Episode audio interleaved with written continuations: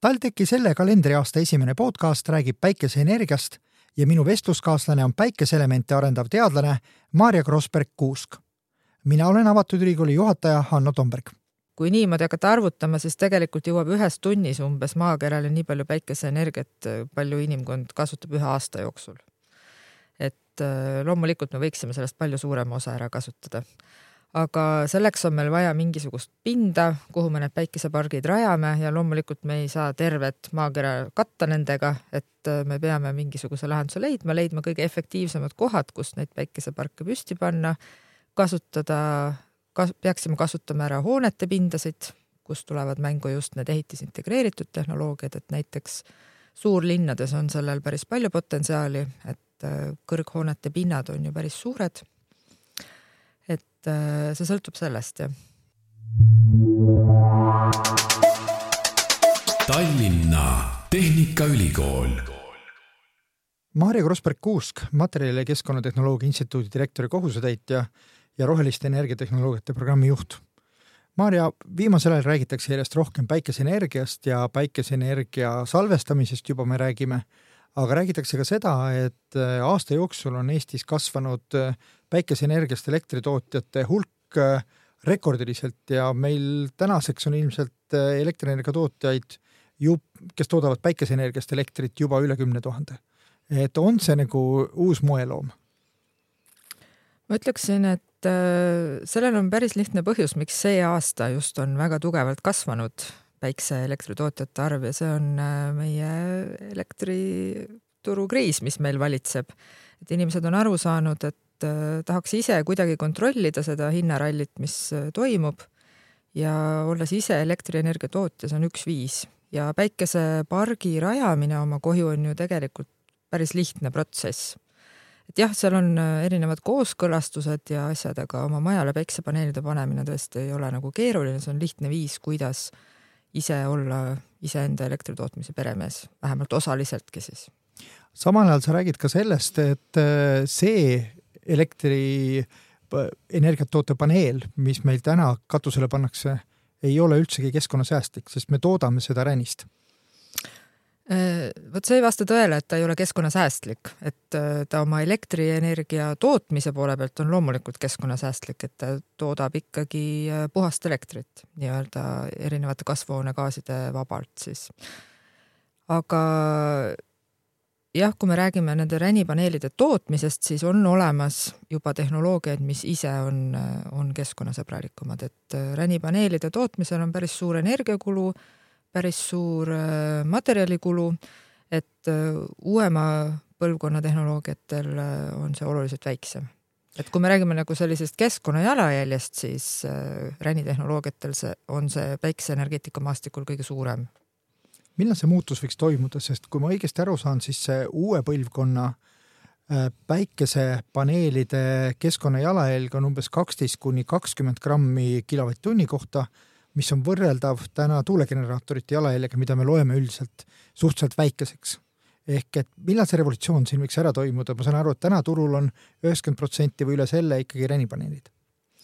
jaa, see vastab tõele, et äh, ränipaneelidel on äh, tõesti, kuna nad praegu väga aktiivselt sisenevad turule veel, siis äh, paarkümmend aastat nad seal kindlasti on, sest see on umbes nende eluiga et sellel ajal äh, tõenäoliselt domineerivad ikkagi veel need tehnoloogiad, sõltub, kui palju üleüldiselt see päikseelektri tootmine maailmas kasvab. ta kasvab väga jõudsalt, eksponentsiaalselt siin viimased viis aastat juba, et kui see trend jätkub, siis ühel hetkel äh, jõuavad uued tehnoloogiad muidugi ka juba võrdväärsele positsioonile.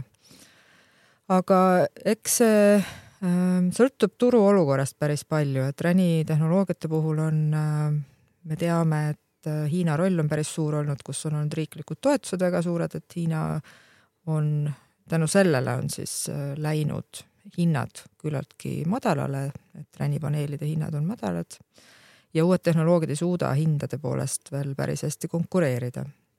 aga lahendused, lahendused on reaalselt ju olemas ja ka teie enda teadusgrupp tegeleb praegu sellega, et uurida neid tehnoloogiaid, mida me võiksime integreerida juba ehitusmaterjalidesse, see on ju täiesti teistsugune lähenemine.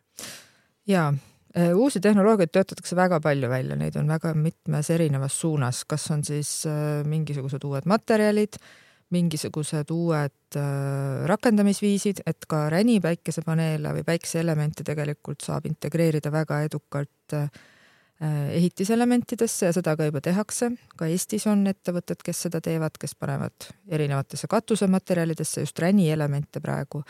aga on olemas ka juba uuemad tehnoloogiad, mis võiksid siin nüüd lähema paari aasta jooksul ikkagi aktiivselt just sinna ehitisintegreeritud päiksepaneelide turule siis jõuda. ja te ei räägi ränist, te räägite vasest, tsingist, tinast ja väävlist Äh, Kesterit, mis koosneb siis vasest, tsingist, tinast, väävlist, on üks variante, aga on ka mõned äh, juba küpsemad tehnoloogiad, mis äh, on lähemal turule. et Kesteriidi puhul, millega meie uurimisgrupp tegeleb, on vaja veel töötada efektiivsuse kallal, et ta oleks konkurentsivõimeline. aga me räägime, et tegelikult me asendame nii need mineraalid, kui me tegelikult ka äh, suudame juba päikesepaneelide kuju muuta ja suudame nad muuta ka läbipaistvaks. ma saan aru, et te katsetate ka klaasiga.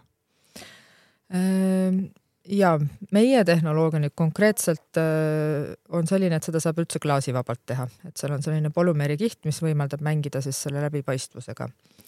aga on ka klaasil tehnoloogiad, et näiteks Tallinna Tehnikaülikoolis keemiliste kiletehnoloogiate uurimisgrupp siis töötab välja selliseid klaasil olevaid klaasalusele siis sadestatavaid päikeseelemente, mille puhul siis samamoodi saab mängida selle läbipaistvusega.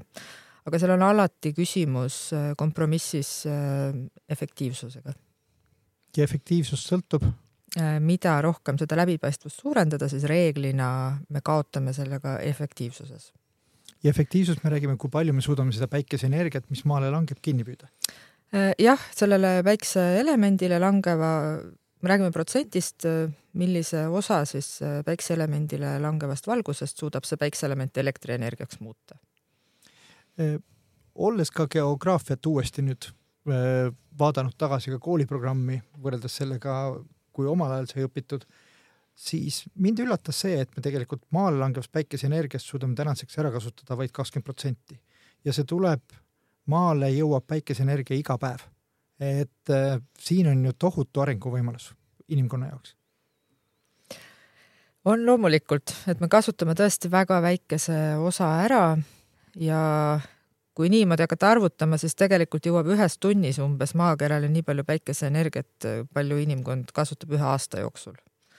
et äh, loomulikult me võiksime sellest palju suurema osa ära kasutada aga selleks on meil vaja mingisugust pinda, kuhu me need päikesepargid rajame ja loomulikult me ei saa tervet maakera katta nendega, et äh, me peame mingisuguse lahenduse leidma, leidma kõige efektiivsemad kohad, kus neid päikeseparke püsti panna, kasutada kas,, peaksime kasutama ära hoonete pindasid, kus tulevad mängu just need ehitisintegreeritud tehnoloogiad, et näiteks suurlinnades on sellel päris palju potentsiaali, et äh, kõrghoonete pinnad on ju päris suured et äh, see sõltub sellest, jah. ja Tehnikaülikoolis ei ole ainuke teadusgrupp, kes tegeleb nende uute materjalide katsetamisega, neid on üle maailma mitmeid. aga samas ma saan aru, et me oleme tegelikult nende eesminejate või pioneeride hulgas. Äh, oma valdkonnas jah, oleme küll. et äh, meil on kaks uurimisgruppi, mis sellel suunal tegutsevad täiesti erinevate tehnoloogiatega ja mõlemad on oma valdkonnas eesrinnas, jah seda võib öelda küll. milline see konkurents sellel turul on, sest ma saan aru, et see, kes esimesena toimiva lahenduse leiab, see saab tegelikult ka äh, hiljem selle tööstustellimuse. ja see on nii, kuigi tehnoloogia arendus on selline väga pikk protsess, et üldjuhul üks tehnoloogia alates selle loomisest kuni sinna turu küpseks saamiseni võtab ikkagi tavaliselt vähemalt kakskümmend aastat et me oleme, meie näiteks kesteriitidega oleme tegelenud juba üle kümne aasta. et äh, meil on veel minna. et me juba oleme jõudnud sinna, et me oleme skaleerimas seda tehnoloogiat, aga et ta päris turule jõuaks, seal on veel tööd teha.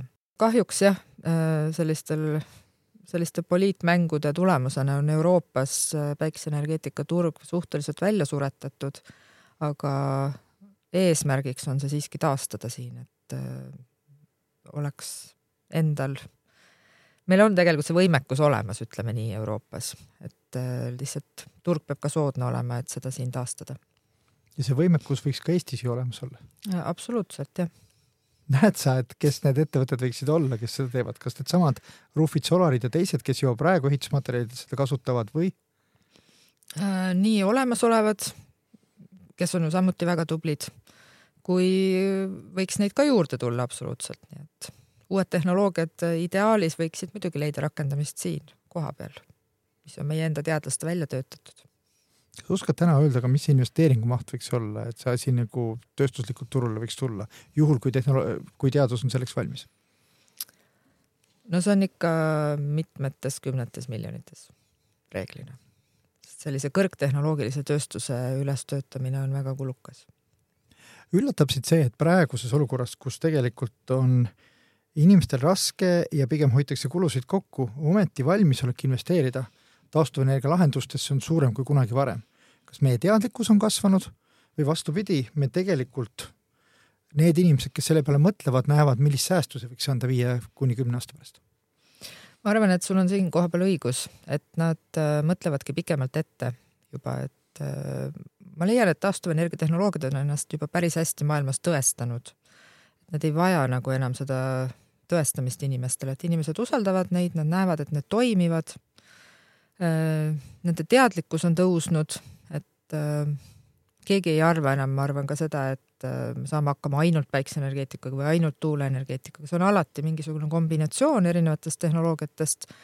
aga noh, näiteks siis päikseenergeetikal on kindlasti üks väga suur roll kui selline efektiivne ja hooldusvaba ja küllaltki odav tehnoloogia, ma ütleksin. kaugel me täna salvestusega oleme? Äh, ma saan aru ja sa oled ka ise öelnud, et tegelikult need akud, kuhu me seda salvestame, on kohutavalt kallid veel praegu, aga on siin ka mingit läbimurret oodata? Äh, mina usun, et on, sest äh, eks nende akude kallal ju töötatakse samamoodi paralleelselt kogu aeg ja mida suurem see vajadus on, seda kiiremini võiks see areng ka selles valdkonnas toimuda, et me ei saa öelda, et akusid ei oleks, need on olemas küll, aga nad on võrdlemisi kallid ja nad ei pea ka nii kaua vastu, et kui näiteks päiksepark on ikkagi mitukümmend aastat äh, suudab tööd teha, siis see akupank või akupark, mis sinna kõrvale on äh, ostetud, see töötab seal alla kümne aasta, eks ole, et et äh, seal tekib ka see küsimus ja kui see akude vajadus nagu väga suureks kasvab, siis kahjuks on jah, need materjalid, mis akudes kasutatakse, on sellised no, nii-öelda kriitilised materjalid, et nende päritolu on selline, ütleme, see tooraine tuleb siis äh, teatud maailma piirkondadest, mis on no, nagu kuhugile kontsentreerunud ja mitte just kõige lihtsamasse piirkonda, ütleme niisiis, et kas ta on seal Hiinas või Lõuna-Aafrikas või kuskil, et et see tekitab selliseid tarneprobleeme meile. et pigem võiksid olla sellised tehnoloogiad ja sellised materjalid, mida, mis ei ole nii sõltuvad siis nagu või ei ole, ütleme, sellised geopoliitiliselt nii riskantsed et noh, me tunnetame sedasama ju ka praegu gaasi puhul näiteks või et, et kui kellelgi on ikkagi väga suur äh, monopol selle koha pealt, siis teeb kõigi teiste elu keeruliseks. mil moel me jõuaksime sinna, et tegelikult teatud piirkonnas või kogukonnas olekski võimalik kogu vajalik elekter ära toota aastaringselt.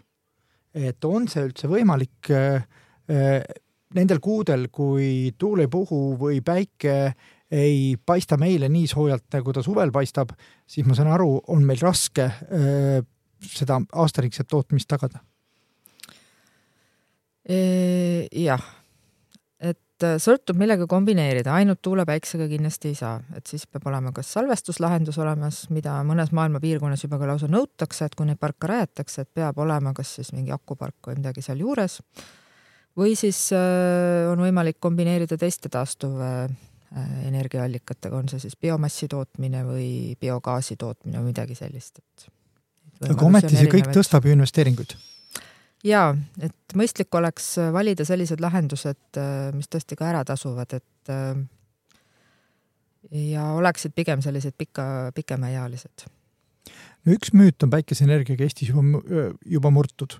see väide, et Eestis ei olegi võimalik peale suvekuude elektrit toota, sellepärast et päike ei paista, see on ju tänaseks juba murdunud. jah, muidugi. ma arvan, et enam ei pea inimesi veenma selles, et Eestis ei tasu päikeseparke rajada.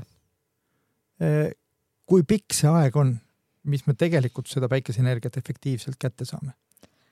Ehm, no ütleme nii, et äh, see periood seal kuskil november kuni veebruar on selline, kus meil on tõesti vähe päikeseenergiat, aga siis juba, kui päike hakkab jälle juba seal äh, vastu kevadet äh, ennast rohkem ilmutama, siis muutuvad päiksepargid jällegi juba tootliku, nende tootlikkus juba tõuseb, sest noh, külmaga nad töötavad eriti hästi, kui on selline kevad, mis on jahe ja päikserikas, siis seal on tavaliselt tootmismaksimumid tegelikult et äh, mida kuumem ilm suvel, siis äh, päiksepaneeli temperatuur ka tõuseb rohkem ja tegelikult tema efektiivsus kukub sellega.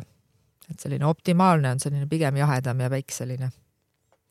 kui nüüd mõelda taaskord nende tehnoloogiate peale, siis mind hämmastas see, et äh, tegelikult te oma teadusgrupis tegelete veel ühe arendusega ja see on niinimetatud tandem päikeseenergia salvestamine, mis siis katsuks seda spektri erinevaid osi rohkem kätte saada ja millega on väide, on võimalik meil tegelikult sellest maale langevast päikeseenergiast selle tunni jooksul, mis ta langeb sellesse kohta, kätte saada kuni viiskümmend, kuuskümmend protsenti, mis oleks ju tegelikult väga suur läbimurre. jah, see efektiivsuse tõus on oluline, see sisuliselt tähendab siis seda, et väiksema pinna pealt me saame palju rohkem elektrienergiat kätte, ehk siis me peame äh, vähem pinda katma päiksepaneelide, päiksepaneelidega selleks, et saada sama energiamaht sisuliselt kätte, eks ju. või sama päikesepaneelide arvuga saada topelt. saada topelt jah, et seal võib mõlemat pidi mõelda täpselt, et äh, meie selle tandemi maastikul oleme selles faasis, kus me otsime neid materjale, mida nagu kombineerida omavahel, et äh, me nagu sellist struktuuri veel ei ole ise valmis teinud siin, aga maailmas on juba päris häid äh, näidiseid ka olemas selle kohta et see on üks äh, kuumemaid suundi, ma ütleksin, äh, selle valdkonna teadusmaailmas. tegelikult te tegelete mitmes erinevas suunas ja ma saan aru, et seda suunda tuleb kogu aeg ka muuta lähtuvalt sellest, mis, mis tehnoloogia maailmas teeb. et kui palju oled sa pidanud viimase kahe aasta jooksul näiteks seda uurimissuunda täpsustama? Või te olete saanud rahulikult oma tööd teha nende samade eesmärkide nimel, mida te olete algselt uurimisgrupile püstitanud? Äh, eks me oleme ikka muutnud suunda, et äh, me otsime neid, äh, meil on paralleelselt alati mitu suunda töös, et vaatame, mis kuhugile üldse viib, mõni suund on juba nii-öelda küpsemas faasis, teine vähem. On sellised esi-, esmased katsetused, on siis see keskne tehnoloogia, mis on see monoterakihtt tehnoloogia, et Äh, ja teadus on juba selline, et äh, kui sulle selgub midagi, et sul on ikkagi sein ees, siis sa pead valima teise suuna ja noh, eks muidugi sõltub mingil määral ka projektidest, mis parasjagu jooksevad, et äh, seal on teatud eesmärgid püstitatud ja need tuleb ka siiski täita, et teatud katsed ära teha ja teatud hüpoteesid ära testida. Sügisest avati magistrikava rohelised energiatehnoloogiad. kui hästi sellel kaval läinud on? ja tõepoolest sügisel alustas esimene kursus siis äh, magistriõppekaval, eestikeelsel magistriõppekaval Rohelised energiatehnoloogiad, kus äh, alustas kakskümmend üheksa magistranti. väga vahva kursus on, et ilmselt see teema nii palju ikkagi kõnetab inimesi et äh, ma ütleksin, et need õppurid on niivõrd äh, kirju taustaga, et on inimesed, kes töötavad juba selles valdkonnas, on värsket bakalaureuse lõpetanud erinevatest kohtadest, erinevatelt kavadelt ja on ka sellised äh, juba, kuidas ma nüüd ütlen küpsemas eas õppurid, kes on varasemalt omandanud sellise tehnilise haridus, kõrghariduse ja soovivad nüüd ennast äh, täiendada selles valdkonnas, et äh, ja mulle väga meeldib selle kursuse juures see, et neil on nii palju kogemust juba omavahel jagada, et selle, see on nagu olnud hästi huvitav selle esimese kursuse puhul. eesmärk sellel kaval on koolitada eelkõige siis spetsialiste, kes oleks, kes saaksid aru, mis asjad on rohelised energiatehnoloogiad. me oleme keskendunud siis päikese, tuule ja vesinikuenergeetikale, et me õpetame neid tehnoloogiaid Äh, õpetame materjali, mis nendes tehnoloogiates kasutatakse, äh, õpetame ka näiteks tehnoloogia ettevõtlust, et oleks võimalik neid ettevõtluses rakendada oma saadud teadmisi. Äh, räägime ka energiaturust, energeetika põhialustest, sest ka see on vajalik, et mitte ainult sinna materjali, materjaliteadusesse kinni jääda. nii et ja kogu selle kombineeritud teadmisega koos siis selle praktilise kogemusega, sest nad saavad päris palju ka praktilist kogemust nii teaduslaborites kui ka ettevõtete juures kogu selle magistriprogrammi jooksul, võiksid nad siis, ma kujutan ette, et eesmärk tähendab, on siis, et kas nad asuvad ettevõtete juurde arendusspetsialistidena näiteks tööle, tehnoloogia arendusspetsialistidena, loovad oma ettevõtte, mõni jätkab teadusmaailmas, et et äh, neid lahendusi on tegelikult mitmeid, et äh, selle valdkonna ettevõtlus on väga jõudsalt kasvamas ja sinna on spetsialiste vaja, kes äh, saavad aru just ka sellest tehnoloogilisest protsessist, mis seal kaasas käib, et üks asi on see, et me ostame päiksepaneeli ja lihtsalt paneme ta püsti, eks ju, ühendame juhtmed. teine asi on ikkagi luua see tehnoloogia, osata sellega midagi siis, seda ka modifitseerida ja edasi arendada, et see on pigem see meie suund siin sa ei teeks seda tööd, kui sa ei usuks sellesse jäägitult. kas ma võiksin nii küsida, kui täna on meil IT-spetsialistid need, kes on äh, väga kõrgete palkadega väga hinnas, kas me võime öelda, et ühel hetkel see tehnoloogilise arenguga, mis tänapäeval toimub ju kiiremini, äh, ka Moore'i seadus on võimalik ju tegelikult viia ka teistesse tehnoloogilistesse valdkondadesse, kus toimuvad revolutsioonilised muutused, et kümne aasta pärast on seesama rohetehnoloogia valdkonna ekspert ja materjaliteadlane sama kõrges hinnas, kui täna on meil äh, tarkvaraarendaja või süsteemi administraator? mina usun seda küll, et see on selline valdkond, äh, kuhu tasub panustada ja äh, milles teadmisi omandada, et tööturg vajab neid inimesi ja üleüldse vajab ta palju hea kõrgekvaliteedilisi insenere, tehnikateadmistega inimesi, et Nendest on kogu aeg puudus. mida meil tänastel inseneridel puudu on, mida nad ei oska ette näha, kui me mõtleme kogu rohepöördele, jätkusuutlikkusele, kliima säästmisele, kõikidele muudele asjadele? Ehm, võib-olla ongi puudu seda arusaamist, kuidas need tehnoloogiad loodud on, et meil on selliseid nii-öelda tootmisinsenere küll, kes äh, tootmispoolega nagu tegelevad ja lahendavad inseneri ülesandeid, aga tehnoloogiaarendus on midagi muud ja ja üks põhjus, miks neid ka vähe on, on ehk see, et äh, sellist äh, kõrgtehnoloogiat, kõrgtehnoloogilist tööstust Eestis ei ole olnud väga palju, et eriti viimasel ajal on see ikkagi sellises madalseisus olnud, et selle võiks taastada Eestis äh, fantaseerime ka natukene, mitte väga kaugele, aastasse kaks tuhat kolmkümmend. kui meil täna on taastuvenergia osakaal kogu elektrienergia toodangust orienteeruvalt nelikümmend protsenti ja kogu tarbimisest moodustas see aastal kaks tuhat kakskümmend üks alla kolmekümne protsendi.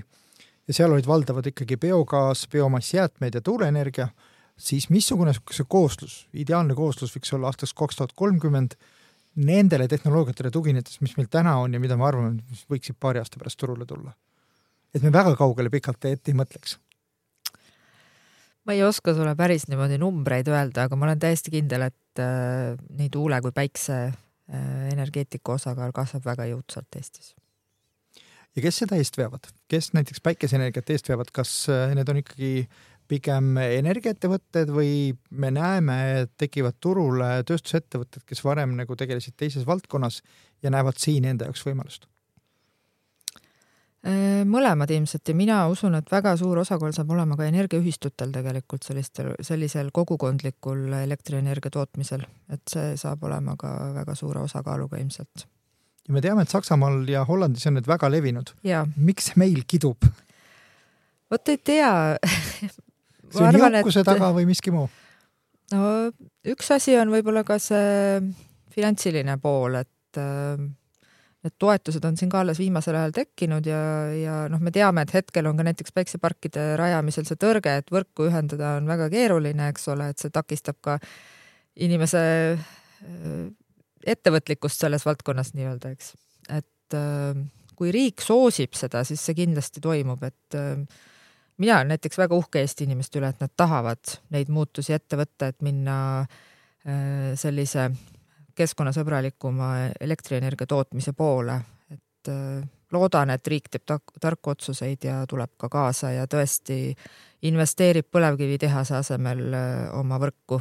et äh, mind tegelikult hämmastab see, et Eestis on see energeetikamaastik selline nagu tuulelipp natukene. tuleb uus inimene, tuleb uus minister, jälle kõik plaanid muutuvad, noh, super näide on ju käesolevast aastast kasvõi see LNG terminal, eks ole, kuhu nii palju investeeriti, ettevõtjad tulid kaasa ja mis lõpuks juhtus, eks. et äh, ma ütleksin, et siin peab olema koostöö nii riigi äh,, valitsuse, ettevõtjate kui siis ka inimeste vahel ja nad peavad tundma ennast nagu ühe meeskonnana, siis nagu saavad need äh, muudatused äh, õigesti ellu viidud. see on minu sisetunne suur aitäh selle aja eest ja aitäh, Maarja, jõudu nii uurimustöös kui ka tudengite juhendamisel! aitäh!